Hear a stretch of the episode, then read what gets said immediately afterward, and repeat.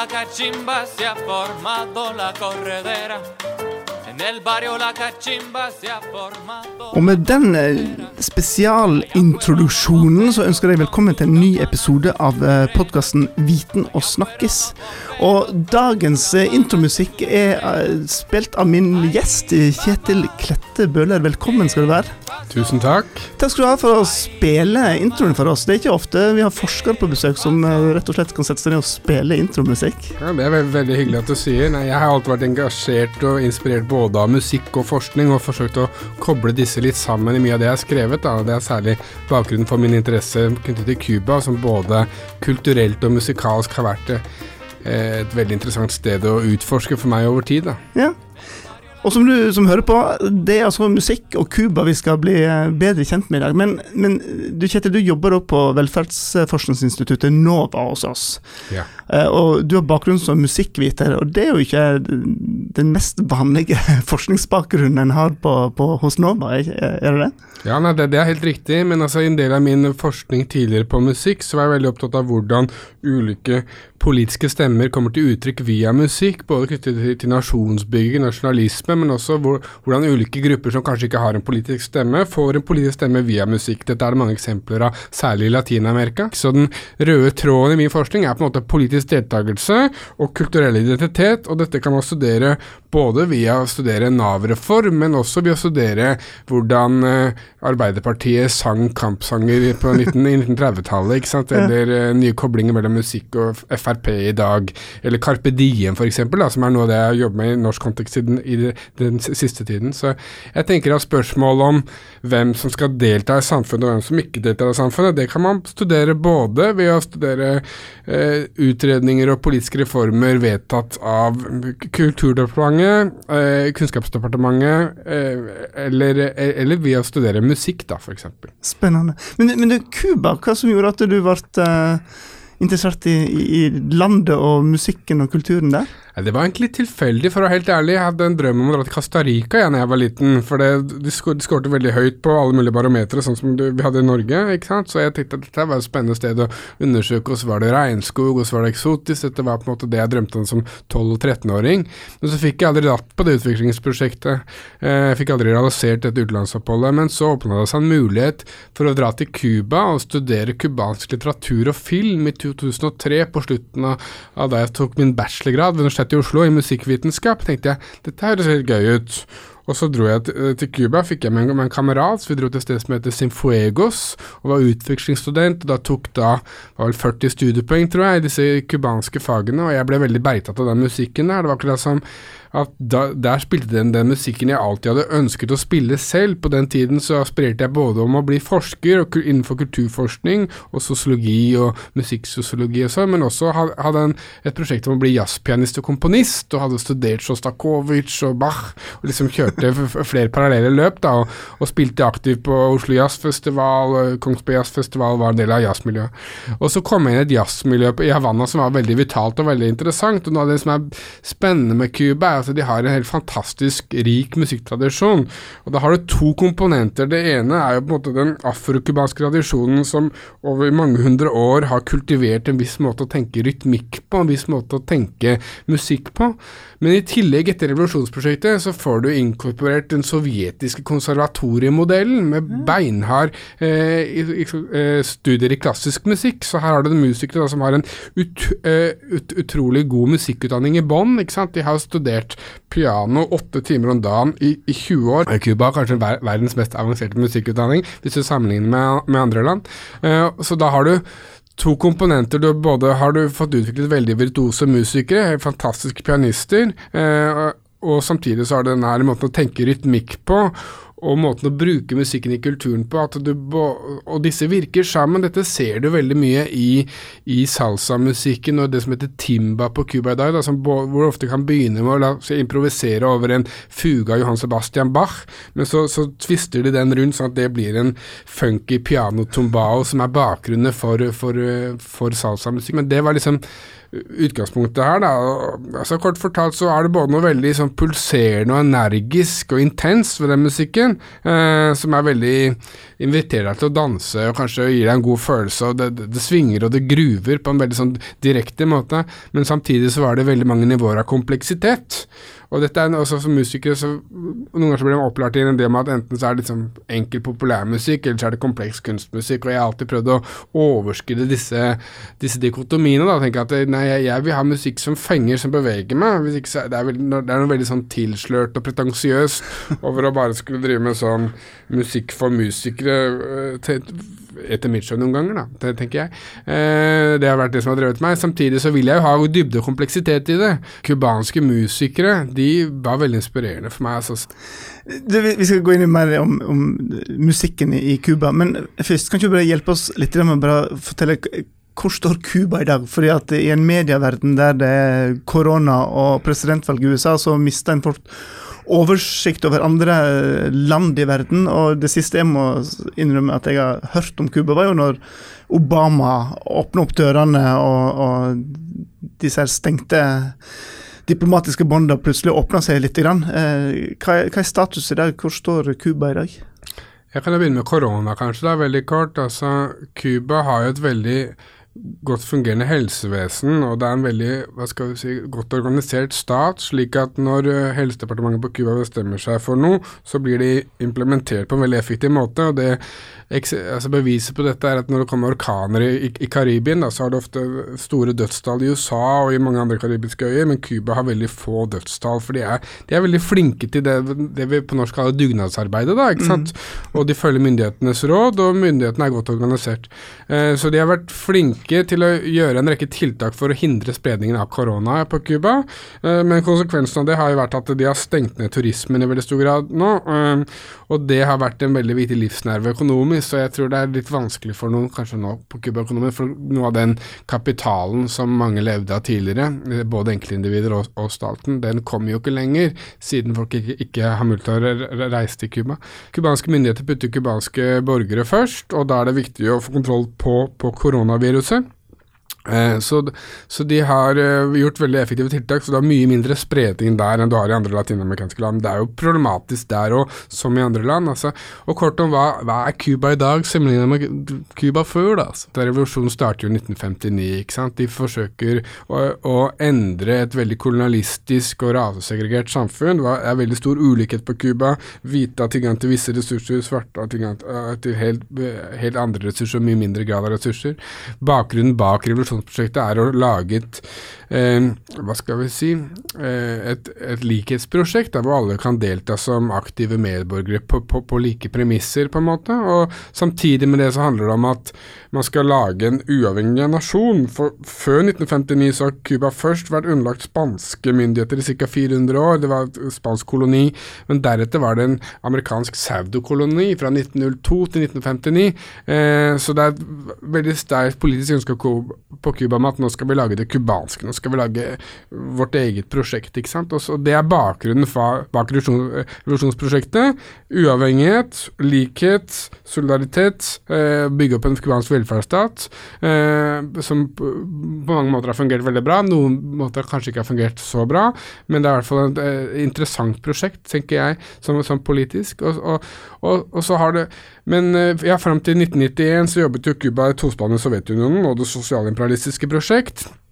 Så faller Sovjetunionen, og da blir Cuba uh, kastet ut i en uh, slags politisk krise, for da trenger de nye alliansepartnere, og det er, og det er veldig vanskelig.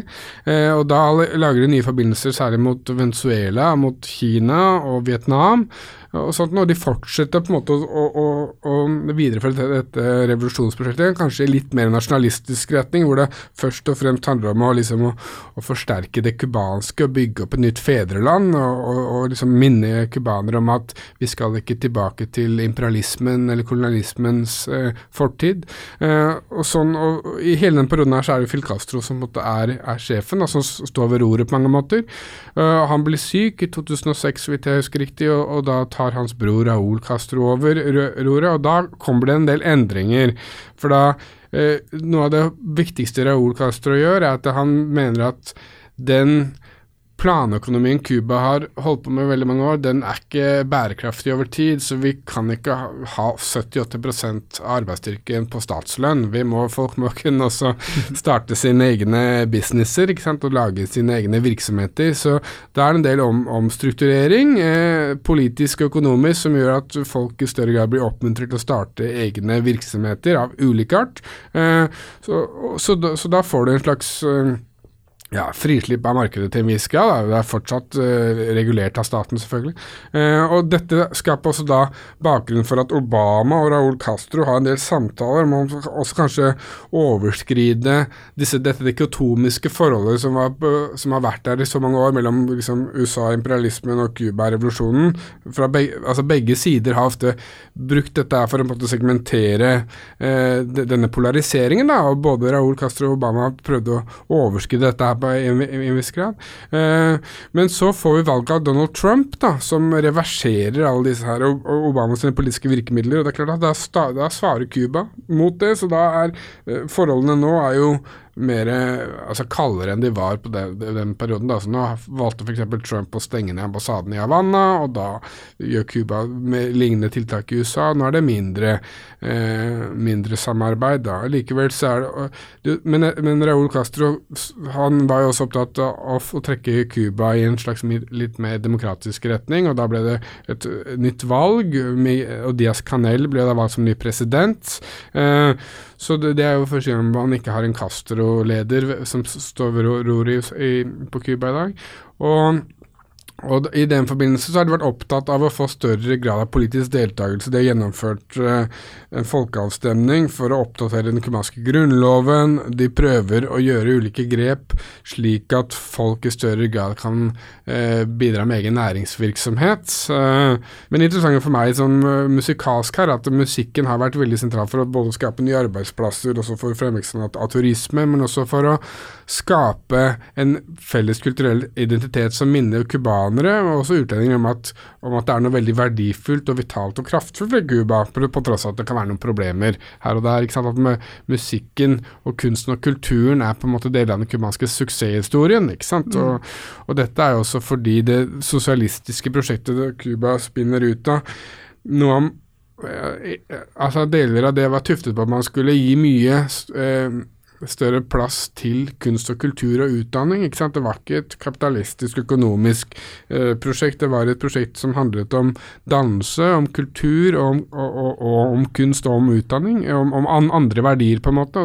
Så da fikk du veldig mange cubanere som tok høy utdanning, og du fikk, eh, og staten, den cubanske staten er jo kanskje den staten i verden som har delegert størst prosentandel av BNP til kunst og kultur, og bygde opp veldig robuste musikkinstitusjoner. Nasjonalballett, symfoniorkester, eh, ukentlig rumbafester her og der, ulike Casa de la Musica, altså musikkhus rundt om i øya. Eh, og hadde hatt noen veldig gode støtteordninger som kanskje norske myndigheter kan, kan lære av med henhold til å til å, til å f.eks. gi en kunstnerlønn til musikere. ikke sant? Du, mm. eh, så det har vært eh, Altså, man kan si mye om Cuba, men i forhold til kulturpolitikk og kunst og musikk, så har de gjort noen grep som er verdt å studere nærmere, tenker jeg. Og jeg har mange kolleger som jeg kjenner veldig godt, og gode venner på Cuba. Og de, de, har hel, altså de har en fantastisk musikkutdanning der. Nettopp ved at de går parallelt musikk- og allmennutdanning fra de er syv-åtte år, hvis de er så heldige å komme inn på disse musikkskolene da, ikke sant. Og da er det veldig eh, robust og skikkelig undervisning i piano, i musikkteori, i diverse biinstrument, i sang. Så de, eh, de sitter med en musikal musikalsk kompetanse som eh, jeg ble, ble veldig imponert over. Eh, og som, de, ja, som, man kan trekke mye lærdommer av. Da. Ja. Mm. Men eh, Før vi går videre på dette med eh, musikkens rolle på Cuba, hvordan vil du definere cubansk musikk? Ja, Det er så mye forskjellig, da. Men uh, i, en, i eksisterende forskning så sier man at Cuba er det landet som har hatt størst påvirkning på verdens globale populærmusikk relativt til eh, størrelse og befolkning, og det, er, og det, er, egentlig veldig rart. Altså, du har et bitte lite land midt i Karibien, hvorfor i verden skulle de påvirke musikksmaken til så mange? ikke sant? Spesielt når det er så hermetisert som det har blitt ja, av omverdenen. Ja, ja og også, det er jo spørsmål også hvorfor i verden Hvis vi spoler 200 år tilbake i tid, da det er en rasistisk kolonialistisk kapitalistisk verdensorden styrt av den hvite mann. Helt forferdelig. Eh, men på den tiden der hvem ville da kastet mot et lodd og tippe at når jeg tipper 200 år senere, så er det black music og afro-cuban rhythms, altså af afrokubanske rytmer, som vil ta verden med storm? Altså Det er jo verken hvite eller svarte har noen insentiver for å engasjere seg med den musikken. For det har mye mer safere å danse vals eller menuett, for å si det sånn. eller, eller ta establishementets smak, da, for å si det sånn. Dette er det sosiologiske modeller sier. Så jeg tenker at det må være noe med med musikkens strukturer og kraft som på en måte taler til kanskje mennesker på et dypere nivå. Det, og hvis det er sant, hvis man følger det resonnementet der, så kan man eventuelt studere de cubanske rytmene. Da. Hvordan er det de er organisert? Og da det er jo, De er organisert på mange ulike måter, men det er f.eks. noen grunnstrukturer som binder cha-cha-cha-musikken, mamboen, rumbaen og salsaen sammen. Det er mange andre ulike rytmer, men dette er jo musikkstiler som har oppstått i Havanna-området og på Cuba, som har tatt verden med storm. Og det er blant annet noe som heter klavesrytmen, som ikke sant, for det er ga, ga, tikki, tak, ga, ga, og det er en rytme som ligger veldig sentralt i veldig mye cubansk musikkstrukturer, i veldig mye cubansk populærmusikk. Og, og så er det en måte å spille piano på. Så hvis du har f.eks. Eh, en, en, låt, da, så spiller man ofte det man kaller pianotomba, som ofte er noe sånt som sånn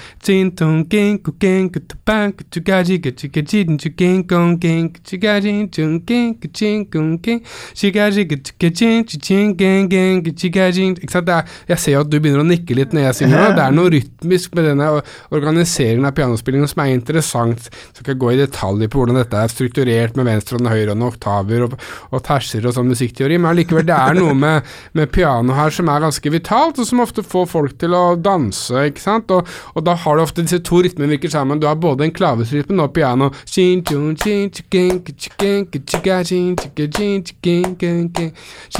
Og så oppå det så er du jeg disse her shakerne, ikke sant, og så har du kanskje noen kubier som kommer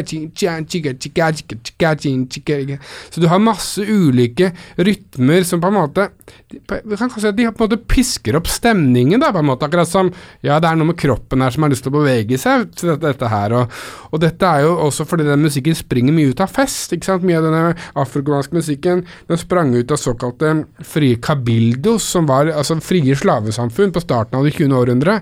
Eh, og, og det, det Sånn, så når de svarte fikk frihet, og vi skal ha fritid, så begynte de å, å lage sine egne social gatherings og sine egne møte, møteplasser, og der utviklet på en måte musikken seg til fest, da, til fest, til flørt, men også til å ivareta tradisjon. Derfor har du på en måte masse ulike ting som skjer i musikken parallelt. Du har både kanskje et arena for flørt og dans, du har fest, du har ulike generasjoner som møtes. Det er interessant på Gud at du kan ha oldefar, bestefar, far og sønn danser jo det samme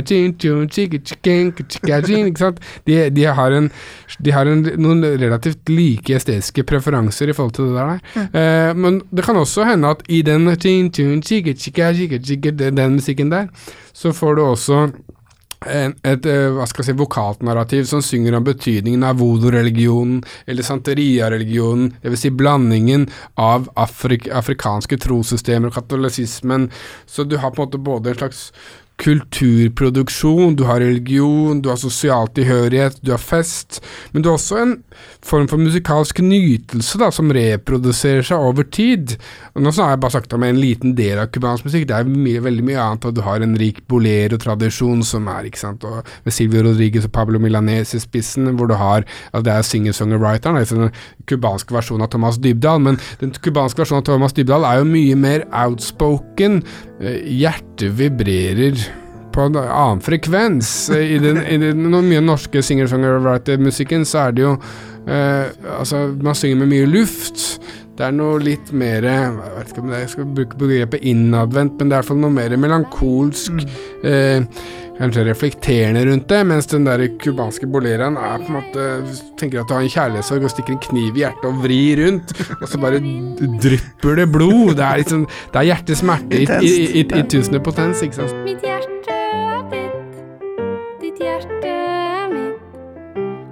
samme selgelyde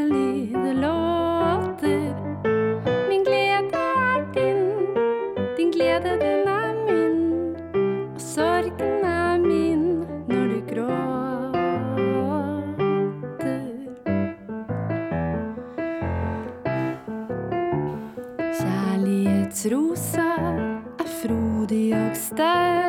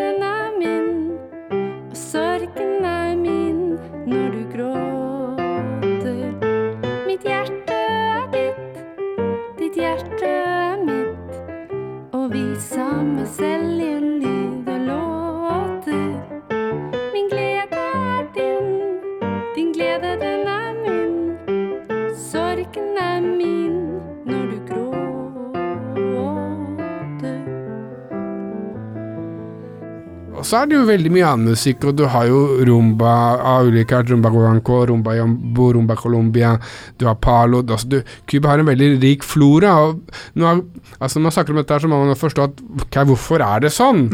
Jo, det er fordi Cuba er jo en helt unikt smeltedigel. Det er jo egentlig veldig rart at ikke det er borgerkrig på Cuba, at det aldri har vært borgerkrig på Cuba, fordi Cuba har altså Det er produkt av vanvittig mye innvandring fra Afrika, fra, fra slavehandelen, ikke sant, fra kolonialiseringen.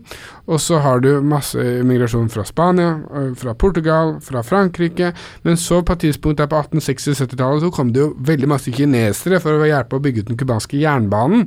Og så kom det masse øh, Eh, og så kom det masse jøder som emigrerte fra, fra Israel-området. Eh, og så kom det masse folk fra Irak og Iran og Syria.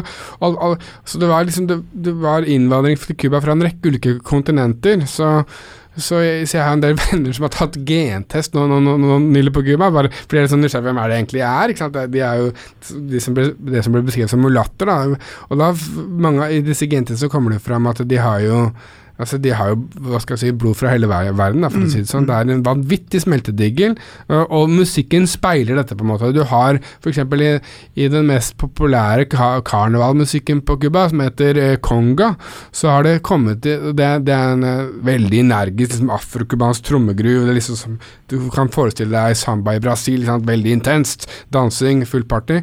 Men så er det noe som heter la corneta china. Det er den kinesiske kornetten, altså kinesiske trompeten, som er stemt på en helt annen måte. Så den har fått en plass i den kongaen. Og den er, jo, den er jo da også temperert på en annen måte, så en helt annen pitch-struktur, altså toneforhold. Og, og du har blant også den arabiske lauden, altså den veldig strenge instrumentet fra, fra, fra, fra arabisk musikk, som også har fått en posisjon inne, inne i cubansk musikk. Så du, du, har, du har en veldig rik flora av masse ulike musikkstiler, og jeg har bare beskrevet noe av de mest populære nå.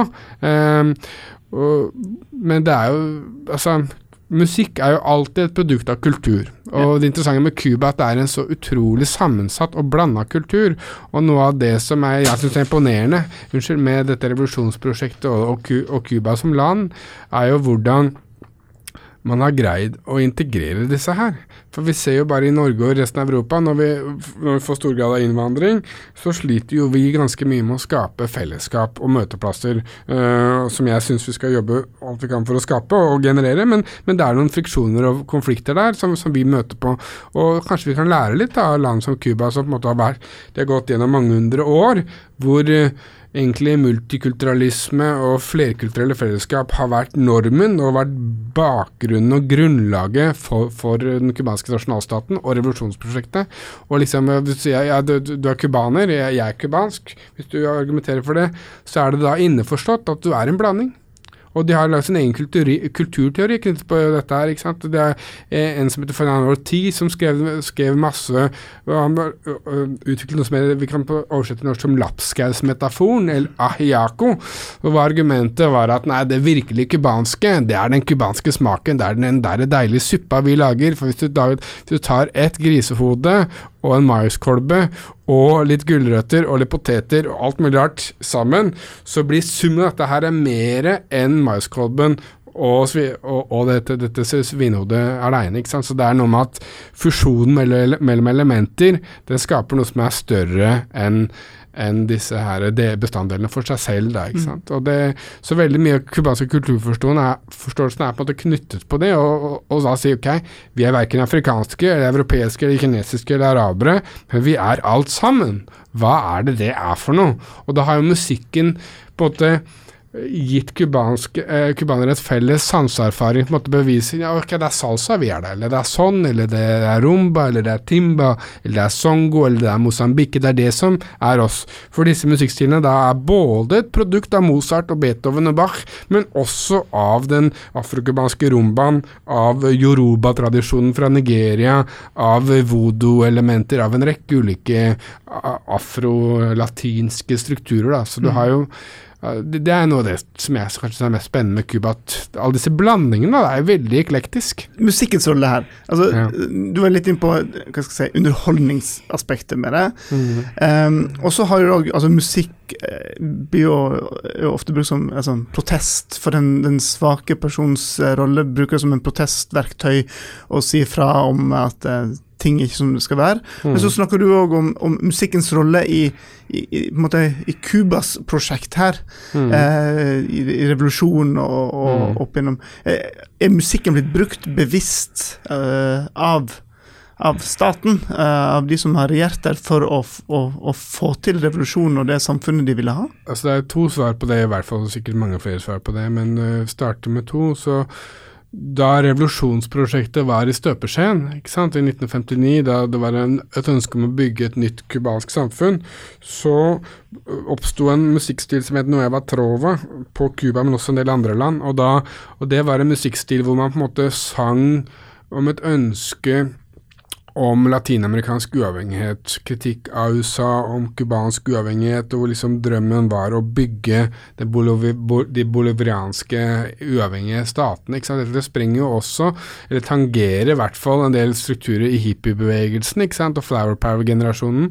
Eh, men, det, men det er en kolonialismekritikk, det er en uh, imperialismekritikk, det er en kritikk av USA. eh, så da har du en rekke musikere som Silvio Rodriguez og som Paulo Milanes, som kanskje de mest kjente, og Sara Gonzales, som lager mye musikk eh, som er på en måte inspirert av drømmen om cubansk uavhengighet. Eh, og dette her er Altså, hvilken av dette er statsregissert eller ikke, det er et åpent spørsmål. Jeg tror veldig mye av det ikke er det. det er, altså, husk på at det revolusjonære prosjektet på Cuba hadde en veldig sterk støtte i befolkningen. Og så har det vært litt varierende hvor, hvor stor den støtten har vært over tid, men i starten hadde den det, og fortsatt har den det i veldig stor grad. Eh, men, øh, og som et produkt av det var det jo veldig mange musikere og kunstnere som på en måte artikulerte øh, musikk og utviklet og komponerte musikk inspirert av, de, av, de, av disse visjonene. ikke sant? Det er jo på en måte en utopisk drøm, for Cuba var jo ikke likt i 1959. og så ok, Hvordan kan vi gjøre det? da? Hvordan skal vi overbevise hverandre om at vi skal overskride denne rasismen? Hvordan kan vi lage et nytt cubansk fellesskap? Og Da var det særlig kulturideologen José Martí og Nicolas Guillén som var to store sentrale kulturideologer cubanske ideologer på slutten av 1900-tallet og starten av det 20. århundre, som hadde allerede lagd en masse begreper om at nei, det, er i, det er via kunsten og sanseverden at vi kan skape det nye cubanske. eksempel José Martí skrev jo en rekke tekster, annet sa at ok, ja, vi har en ganske bitter vin, men det er vår vin, så vi må lære oss å drikke vår egen vin. ikke sant? Og har en hypoteser om poesien. Er poesien den er durable, durable, den, er, den, den kan øh, ja, vare over tid. Når du liksom, når du beveger hjertene til alle de ulike folkene fra ulike kulturer, og, og masse hypoteser om at måte, musikken også kunne skape et nytt kulturelt fellesskap da, for, for de ulike cubanerne. Så dette er et svar på det. Det andre svaret på det, om øh, musikken og politikken og revolusjonsprosjektet, er jo at det at Cuba er det landet i verden som har brukt mest penger relativt til BNP på musikk og kunst og kultur. Det er en bevisst handling der. Det. Det er jo, det er jo bevisst. Da må man eventuelt intervjue alle de som har sittet ved roret i Kulturdepartementet over tid, og skulle gjerne prate med Fille Castro om dette her òg, kanskje, men det er litt for seint. Men, eh, eh, men det er klart at Cuba har investert veldig mye i det, eh, og Cuba har ikke hatt så veldig mange økonomiske ressurser, for økonomien har ikke gått så veldig bra, men gitt den lille kaka de har, så har et ganske stort kakestykke blitt gitt til til musikk og kultur. eh, og det er også et uttrykk for at på Cuba så er, er det veldig høy status knyttet til musikk og kultur, kunst og kultur, så mens i Norge så kanskje er det status knyttet til la oss si juss og legestudiet. På Cuba så er det høyere status knyttet til musikkstudiet eh, ja, og, og malerstudiet og, og sånt noe. Og de har jo fått veldig sterk anerkjennelse. Det er en rekke cubanske musikere som har tatt måte, verden med storm og blitt veldig anerkjent internasjonalt, både innen klassisk musikk og innen cubansk musikk. Så, så det, deler av revolusjonens suksesshistorier er på en måte skrevet i musikalsk språk, da kan man på en måte si. Og kunsten har vært med på Det har vært en integrert del av det prosjektet. altså Politiske systemer handler jo om visjoner. ok, Hva slags samfunn skal vi ha i morgen? Hvordan skal dette bli? Og deler av det cubanske prosjektet der handlet om å utvikle også det estetiske nivået her, og der er Cuba veldig interessant i og med at det, det har ikke vært et, en dyrkning av kunst og estetikk og musikk som bare er forbeholdt eliten, eller bare er forbeholdt visse smale avantgardistiske kretser. Det har vært en tilnærming til musikk og kunst som også har bidratt til at hele folket på en måte har øh, brukt mye av sin tid og sine ressurser på musikk og kunst. Og musikk har posisjon, det har status. Det er klart at det er mange ulike interesser og innenfor cubansk musikk, avantgardistene versus reggaetonartistene, men, men det er et land som har investert mye i musikk, og musikk har en større status enn en del andre land. Og det er også koblet fra at det er, det er, dette er dansende land, ikke sant. Det det er land hvor man begynner å danse fra man er liten, og den dansemusikken forstås ikke sånn som den forstås noen ganger i Norge, som ok, men det er de som driver med dansemusikk, Ole Ivars, det er det, og jeg er ikke en del av de.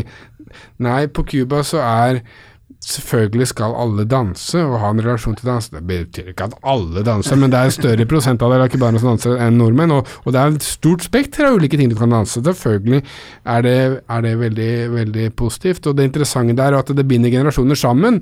Jeg har ofte tenkt, når du er på rumba-party på Cuba f.eks., det er jo lørdagsrumba hver dag i de fleste cubanske byer. Dette er jo statsstøtta lørdagsrumba. Eh, og der ser du ofte eldre befolkninger, 80- og 90-åringer, som danser. Eh, men du har også fire- og femåringer, så du har jo et veldig stort spekter. Og måten dette er knytter generasjoner sammen, syns jeg er veldig interessant. Og så tenker jeg noen ganger også når jeg hører på mine besteforeldre som har vondt i ryggen eller vondt i nakken. Disse her rumbabevegelsene er jo veldig sunt. Det er folkehelse. For- Ja, dette er dette er musikkterapi, dette er folkehelse, ikke sant. Så jeg tror vi kan lære mye om musikkens helsemessige, politiske, kulturelle og estetiske kraft av å studere Cuba. Men har det vært en musikalsk eh, protestbevegelse oppi dette her? Altså, for, for altså Castro og det prosjektet hadde jo ikke alle med seg.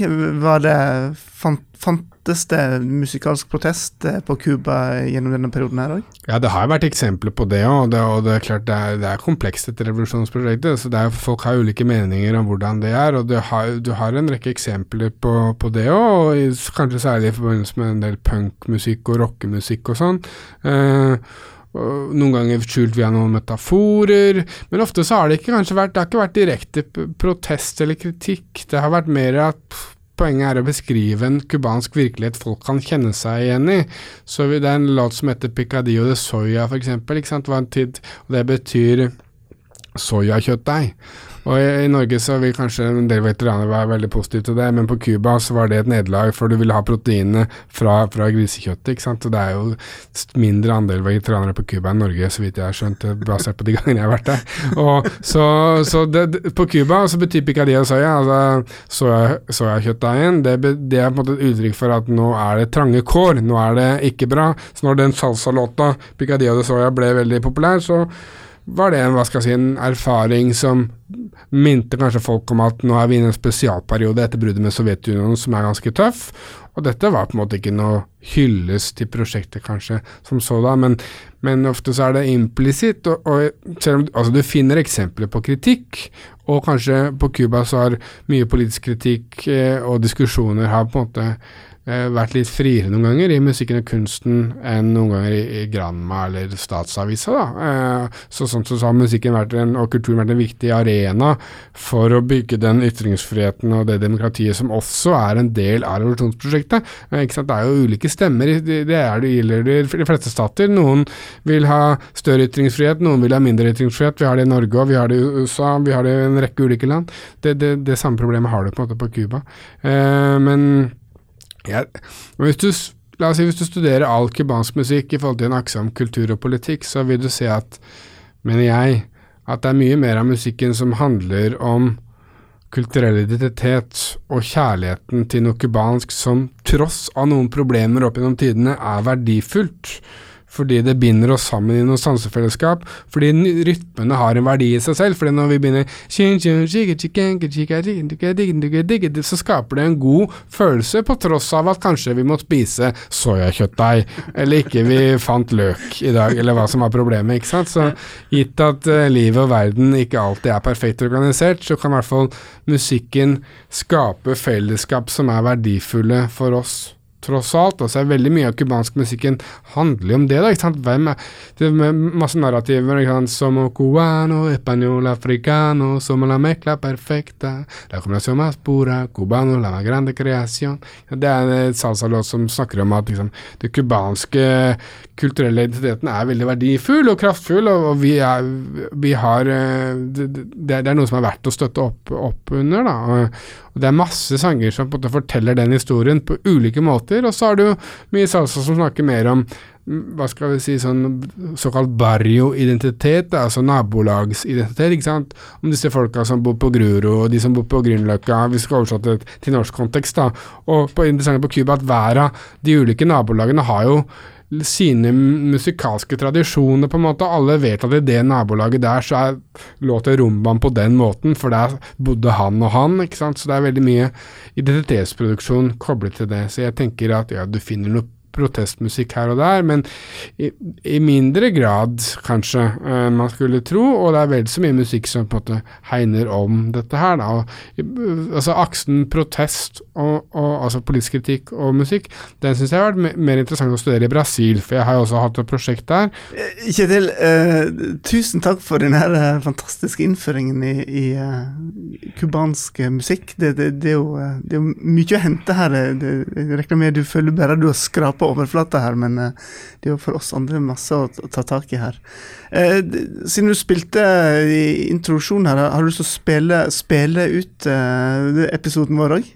Ja, det kan jeg gjerne gjøre. Ja, men fantastisk. Da, da, setter vi på litt litt cubansk-inspirert musikk fra Kjetil sjøl. Så denne låta vi skal høre nå, det kort om den altså Dette er en låt som heter Angel Eye, som egentlig er en gammel standardlåt. For deler av mitt prosjekt var jo å bli jazzmusiker og utvikle en slags afrocubansk jazz eller latinjazz.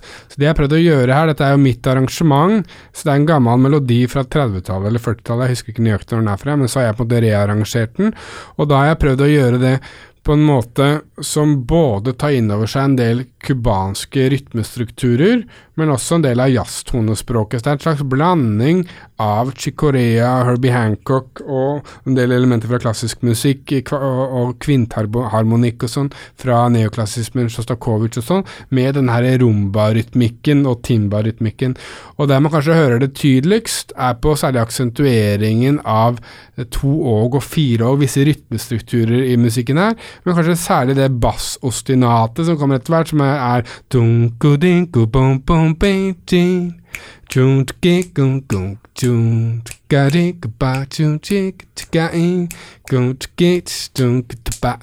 ikke sant, som er, Det er en måte å tenke basslinje på som er veldig cubansk, og måten altså jeg da spiller sånne pianotombao oppå dette her på, men det er et slags hybrid av et jazztonespråk og et cubansk tonespråk, men måten vi tenker rytme på, særlig rundt improvisasjonen her til Mahela Herrera, som spiller en strålende fløytesolo.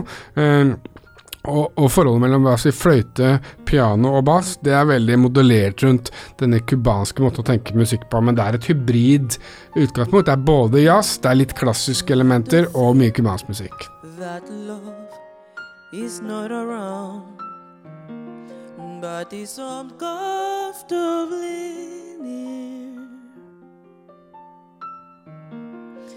My old heart ain't gaining no ground.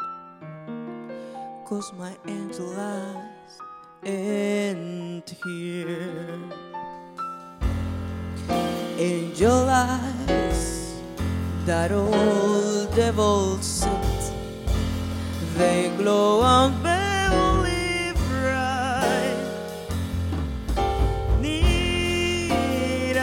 say that my love misspent, misspent with angel eyes tonight.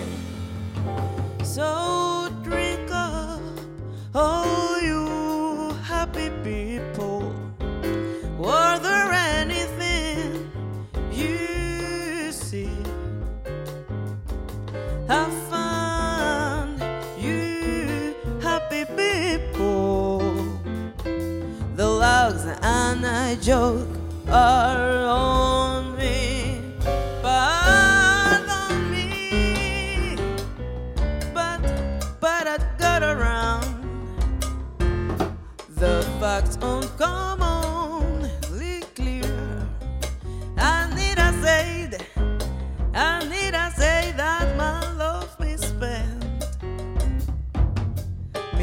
with angel eyes tonight. Try to think that love is not around, but is uncomfortably near. My old heart ain't gaining no ground because my angel eyes ain't here.